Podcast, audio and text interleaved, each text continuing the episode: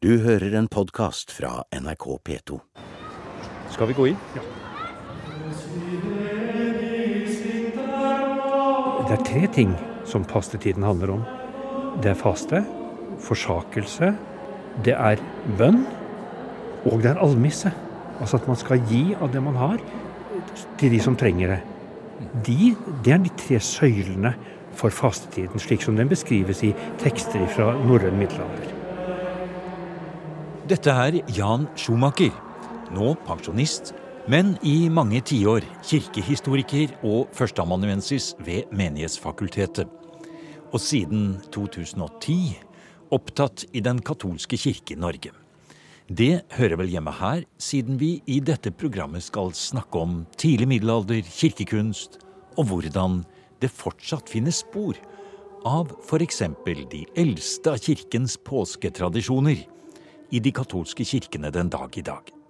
Selv om den lange fastetiden før påske ikke lenger er helt slik den var i middelalderen. Så nå er det jo egentlig bare to Det er egentlig to dager nå som gjelder som såkalte faste- og abstinensdager. Altså man skal faste, og så skal man gi avkall på noe. Abstinens. Og det er eh, askonsdag, som innleder fastetiden. Og så er det langfredag. Så langfredag bør man ikke invitere katolikker på, på stek og, og, og, godsaker, altså. For er en, da, da, er vi forpliktet til å overholde fastebestemmelsene. Til og med øh, påskeaften eller lørdag, ikke sant. For oss er det jo viktig altså vi, vi, vi har jo et e-, egen stammespråk, ikke sant. For vi snakker om dette som fastetiden. Og den, det som begynner da med palmesøndag, det kaller vi den stille uke. Og det gjør vi i åpenlyst protest mot alle medier og NRK og alt som snakker om påskeuken. Og når vi kommer på jobb på tredje påskedag, så sier vi ikke til hverandre 'vel overstått', for for oss så begynner påsken. Så påsken i katolsk sammenheng, det er fra første påskedag til pinse. Det er vår påsketid. Og vi har, hvor det er altså seks, seks søndager. Og det er en eneste lang rekke av slike gudstjenester som feirer nettopp oppstandelsen. Hver søndag gjør vi jo det. Hver søndagsmesse er en feiring av Kristi oppstandelse. Men søndagen i påsketiden er helt spesielle. Eh, også liturgisk. Det musikalske er helt spesielle også. Eh, så, så vi, vi, har ikke noen vel overstått påske tredje påskedag. Heldigvis tok vi opp dette programmet like før Den stille uke og protesten mot NRK og alle som snakker om påskeuken og vel overstått. Og vi er glade for at Jan Schumacher også blir med videre i dette programmet. Vi skal etter hvert tilbake til påskens katolske kirkeritualer. Men nå skal vi gå inn i middelalderen og stavkirkene og den aller første tiden med både påske og kirke i Norge. Det er et flott rom vi kommer inn i. Med en gang vi kommer inn av dørene på Kulturhistorisk museum, så går vi jo inn i på en måte Norges middelalderkunst, i hvert fall. Ja, og det, det er jo en verdighet her. Vi skal se på kirkekunst, fargene, skulpturene. Og vi skal forsøke å forestille oss glansen som må ha fylt de aller første små middelalderkirkene på steder som Tretten, Gausdal, Borgund, Torpo og overalt langs fjorder og fjelloverganger og der folk bodde. Som f.eks. i Hedalen. Ja, eh, den første vi møter her er jo Madonna fra Hedalen. Men det er ikke originalen vi står og ser på, det er en, en eh, rekonstruksjon som ble laget på slutten av 80-tallet, basert på alt vi har av eh, vitenskapelige analyser, og et manuskript, Liknesjusmid, fra et islandsk manuskript, som beskriver deler av hvordan man maler en skulptur. Det er Kaja Kollandsrud som tar oss med inn i kirkekunstutstillingen på Kulturhistorisk museum i Oslo. Kollandsrud er seniorkonservator for maleri og polykromskulptur, og vi skal snart høre mer om hva det er. Og kanskje er det sånn at den moderne tid med Elektrisk lys og internett og ja, den nær sagt innlagt vann har gjort at vi har vanskelig for egentlig å forstå hvor rikt og dypt inntrykk glansen fra Madonnaen i Hedalen kunne ha gitt middelalderens mennesker, den gangen da både kristendommen og kirkekunsten var noe helt nytt. Ja, nå står hun jo ute av sin kontekst i stavkirken og er, står mot en hvit vegg og er eh, bombardert med elektrisk lys. Men eh, hvis man plasserer henne inn i stavkirken, så ville hun jo stå og funkle og gløde med sine forgyllinger og sterke, rene farver. Og være opphøyet gjennom sin perfekte sin fremtoning, da. Ja, for det Jan, er vel egentlig det vi er på jakt etter i dette programmet. Det er det som kan beskrives med ord, og det som ligger implisitt i disse figurene. Det som ligger i selve opplevelsen av hele rommet, av hele historien, av hele bakgrunnen. Ja, når jeg ser på den skulpturen, så er det to ting som slår meg. For det første at uh, jeg i løpet av den, liksom, den tid i min yrkeskarriere så har liksom middelalderen gått fra å være svart-hvitt og til å bli farger. Det syns jeg er en veldig spennende utvikling. Eh, akkurat som TV-en gikk fra svart-hvitt til farger, så har altså middelalderen gått fra svart-hvitt til farger. Og Det andre som, som jeg kommer til å tenke på, eller assosierer til når jeg ser den skulpturen der, det er jo noen ord i denne berømte mm, stavkirkeprekenen, som jo er en, en slags sånn um, billedveiledning for kirkerommet fra um, ja, 1100-tallet, kanskje. Og der står, jo, der står det jo i stedet at når man står i koret, eller foran koråpningen i kirken, og ser inn, så ser man himmelske ting. Og det er den første assosiasjonen som slår meg. Jeg, altså, dette her, dette er på en måte å se dette liksom, i en kirke. Det er jo selve blikkfanget. Dette er selve blikkfanget. Og man ser, det er klart man ser inn i en annen verden. Det tror jeg er en følelse mm. som, har, som folk har hatt. Nå ser vi inn i en helt annen verden. Og eh, det kunne, Nå skal vi gå videre litt innover her, eh, Kaja. Det som kunne vært litt fristende å spørre deg om, det er jo når den ble i sin tid restaurert. Bare for å gå et øyeblikk tilbake i vår moderne verden. Så måtte dere jo forske på alle disse teknikkene og finne ut av hvordan det var gjort. Og kanskje ble resultatet litt annerledes enn det den moderne menighetene i dag forventer at noe skal se ut i en kirke. Mm. Ja, denne, Det er jo en litt spesiell historie bak hvorfor vi laget denne rekonstruerte kopien. For originalen står jo i stavkirken. Eh, men eh, der hadde de problemer med oppbevaringsforholdene, så de måtte I en periode så hadde vi originalen, og så laget vi denne rekonstruksjonen som de kunne ha i kirken. Og nå er den svoppet om. Men eh, de ble nok litt forbauset over For vi ønsket jo å lage en eh, rekonstruksjon av hvordan hun så ut når hun var helt ny. Eh, og de ble nok litt slått i bakken av hvor lysende og sterkt sterke farver dette var. Mm -hmm. Nå er jo du veldig diplomatisk. Man kan vel si at eh, våre dagers uh, syn på hva som er pent og stygt, ja. er annerledes enn i middelalderen. Ja. Og det kan vel tenkes at slik som denne Madonnaen med Jesusbarnet på fanget i gull og rødt og flotte farver. Det ble for mye bling. Ja. Eh, det er jo vi, Vår moderne estetikk ligger jo langt fra dette. Vi har jo en sånn kulturell ryggsekk, som jeg pleier å si, som er, vi er farvet av denne uh, beundringen av det materielle og monokrome, antikken, de hvite skulpturene og marmoren og alt dette. Så vi har jo til og med i historien avdekket original polykromi. For at de, sånn som eh, Enebakk-madonnaen er jo nå, står jo ned, nå skrellet ned sitt, til sitt treverk. For da var det mer eh, hva man kunne orke å se på, mer spiselig. Så det med farver på særlig tredimensjonal form, det oppfattes av mange veldig vulgært. Og det er fordi vi er farvet av historiens oppfatning av farve på form. Det handler om middelalderens kirkekunst, farger, glans, og et forsøk på å se litt inn i middelalderen og stavkirkenes verden i museum i dag. Det er Jan Schumacher, ekspert på den aller eldste kirkehistorien, og seniorkonsulent Kaja Kollandsrud, som går sammen med oss. Nå er vi inne i kirkekunstutstillingen på Kulturhistorisk museum i Oslo. Og Kaja Kollandsrud forteller om hvordan det å forstå middelalderens maleriske uttrykk handler om å se hvordan fargene spiller sammen og gir en ny opplevelse. Det er det som ligger i uttrykket polykrom skulptur, sier hun. Det er ikke bare en malt form, men det er hvordan alle farvene spiller sammen i forhold til en form. For i middelalderen så bruker man jo farvene til å modellere, de bidrar til å modellere formen helt plastisk.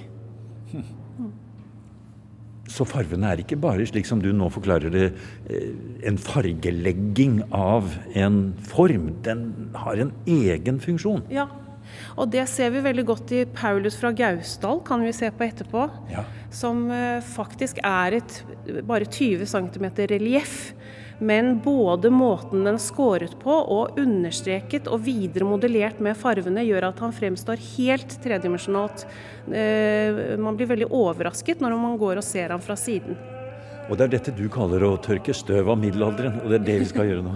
Ja, det skal, gjør vi gjerne.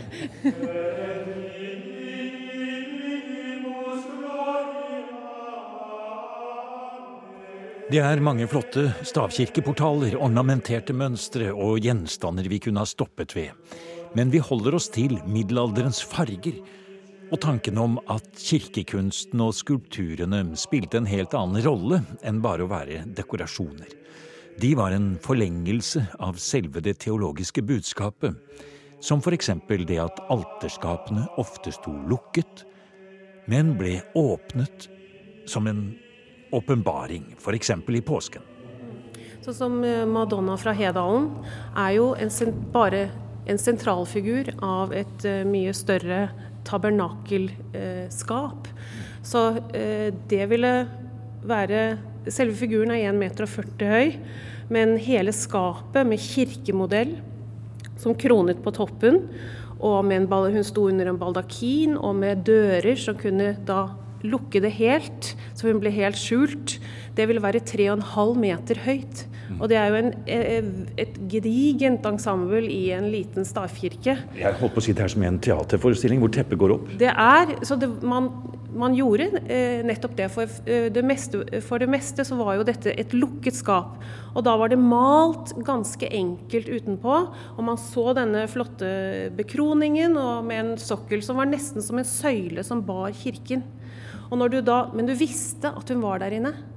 Så når hun ble åpenbart og, åpnet opp, så så du jo det var da gullet og alt det glødende og, og funklende kom frem. Og eh, dørene var jo også med eh, dette imitasjonsgullet og relieffer. Og dette imitasjonsgullet er altså ikke gull, men det er høypolert sølv som et speil som er lagt en gul, transparent eh, lasur på toppen.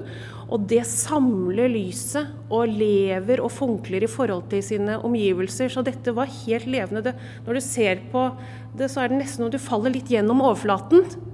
Og man har jo disse i de middelalderske sagatekstene så beskrives det jo eh, Bruker man disse de, analogier med lyset og hvordan lyset treffer Maria, og lyset er Gud, og strålene er eh, Altså lysstrålene er Gud, og det reflekteres øh, øh, og, og, er da øh, Symboliserer også Jesus, ikke sant, som er et produkt er, er jo også en del av Gud. Så hvordan lyset, solstrålen, treffer glasset og treffer dette materialet, det er oversatt og gjenspeiler seg i hvordan man lager skulpturen. Og da detter man på en måte gjennom. Og, og, og, det er jo vakrere og nærmere Altså det nærmeste man kan komme et blikk inn i paradis. For det er jo det perfekte. Man, da, man viser det beste man kan. Man skal egentlig bli litt mo i knærne av hvor vakkert dette her er.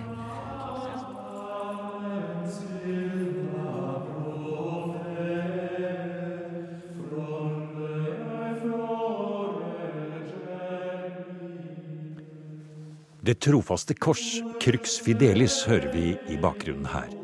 Sunget av Consortium Vokale. En gregoriansk salme, kanskje med røtter helt tilbake til de første kristne menighetene. og typisk for tiden vi er i når vi går rundt inne i kirkesamlingen på Kulturhistorisk museum.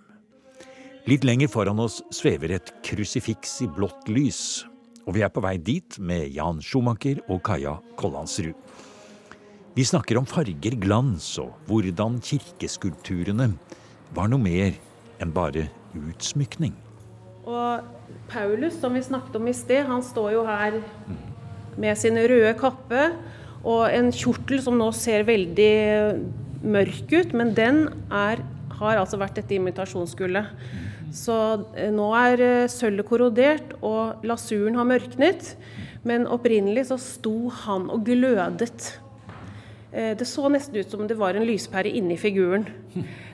Mens håret har ekte gull i en matt forgylling. Så de spiller på forskjellige teksturer. Da. Det er ikke bare farven, men også matt og glans og dybde i farven. Legger opp i lag med en transparent rød lasur på en oransje undermaling, sånn at du får dybde i fargen. Eh, som alt er med og, og, og, spiller. Så helgen er jo en lysfigur. Så hans, det som formidles her, er jo det himmelske lyset. Han er jo en himmelsk representant på jorden, og han gjør det jo til stede. Paulus blir jo en figur som har levd, og som står her blant oss. Og når du formidler denne, disse helgen og Maria og krusifikset, så bruker du jo sterke, rene farver sant, som er ubesudlede, og som, som, da er høye i lyskraft.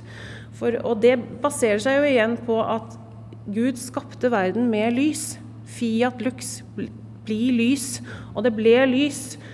Og fra dette så er det da eh, teologer eh, Eller jeg har jobbet mye med en biskop som heter Robert Grosseteste, som var biskop i Lincoln fra 1235 til 1253. Og han utvikler en hel eh, sånn nesten Big Bang-teori om hvordan det middelalderske konsentriske universet ble til ved at Fiat Lux, det ene veldig kraftfulle punktet av lys, spruter ut og mangfoldiggjøres og drar med seg materien og trekker seg sammen og drar seg ut og trekker seg sammen helt til reaksjonen stopper. Og da har du jo dette konsentriske universet med jordkloden i midten, som er den urene resten. Og jo høyere ut du kommer i disse ringene, jo, eh, jo eh, mer edelt er materialet. Så, så, de bruker eh, jo foredlede materialer importert langveisfra.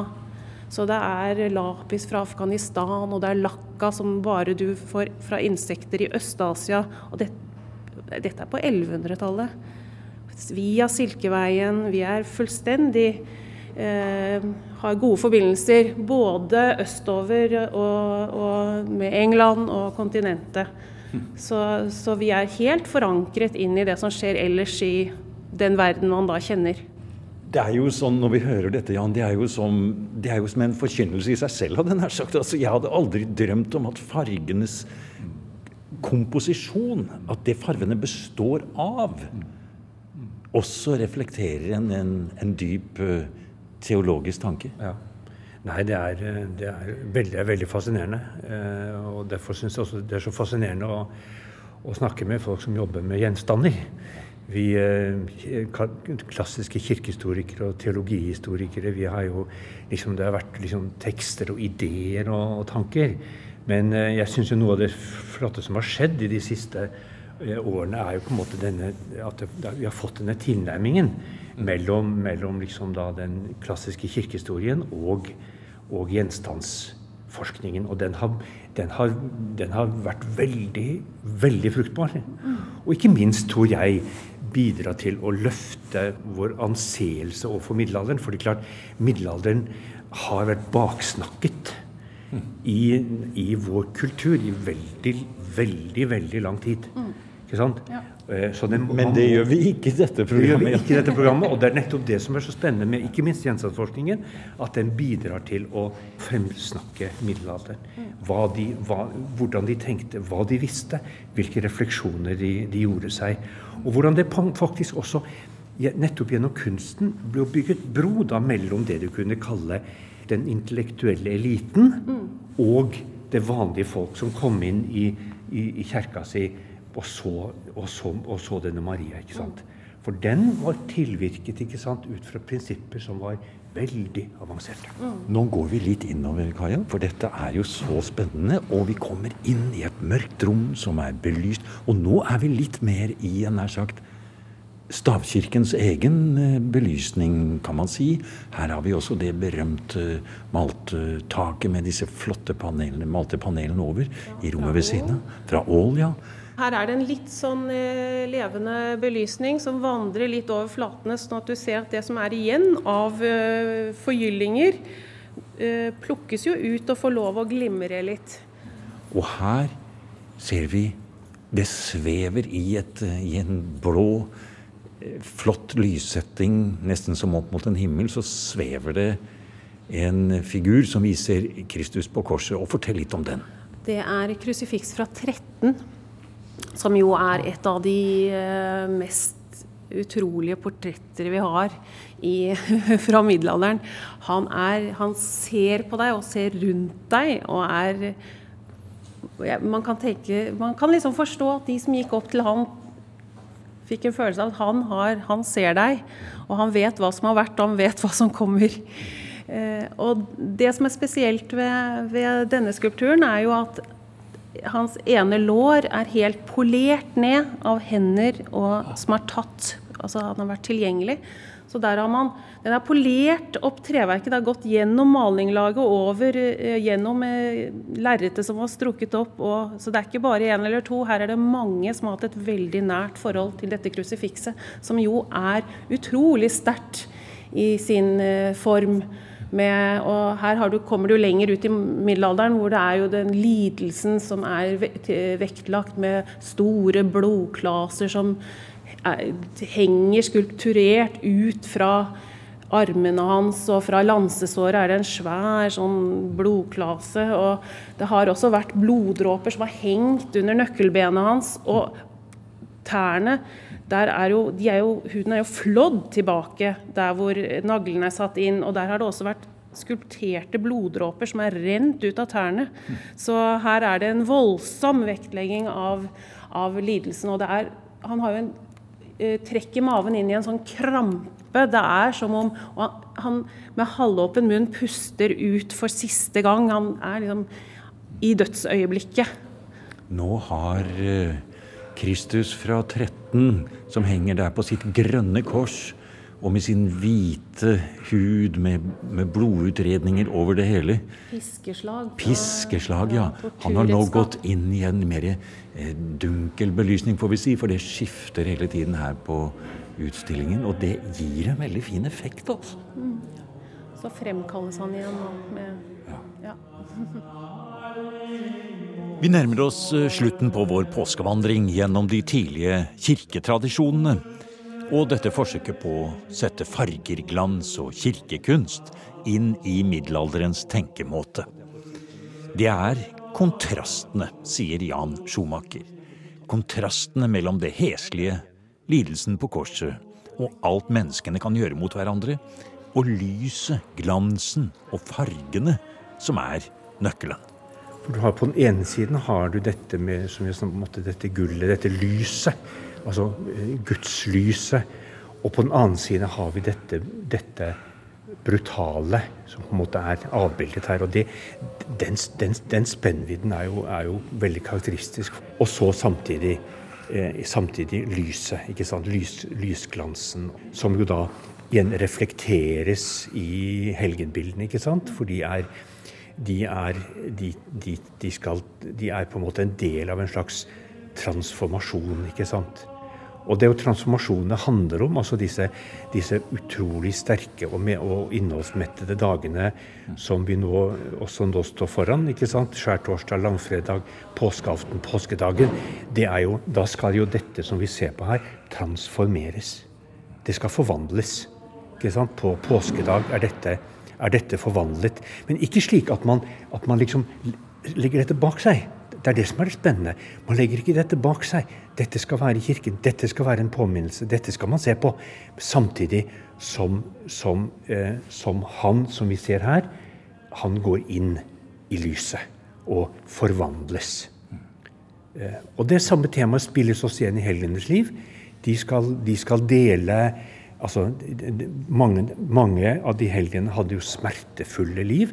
Da er de på en måte identifisert med han som henger her. Og så går de inn i lyset. Og så dette, kastes dette lyset tilbake til oss når vi kommer inn i kirken og ser disse figurene. Eh, for da ser, ikke, da ser, vi ikke, bilder av dem hvordan de var, men hvordan de er. Det er et, veld, det er et veldig viktig poeng å få med seg. Hun, eh, Maria står jo liksom da i sitt skap, så er hun en formidler i porten inn til denne andre verden. Og, og lys og det glødende gjør henne transparent, så hun er jo en sånn for, fysisk uh, formidler. Uh, for hun er jo helt til stede. Vi kan ikke se på dette som bare en malt trestokk.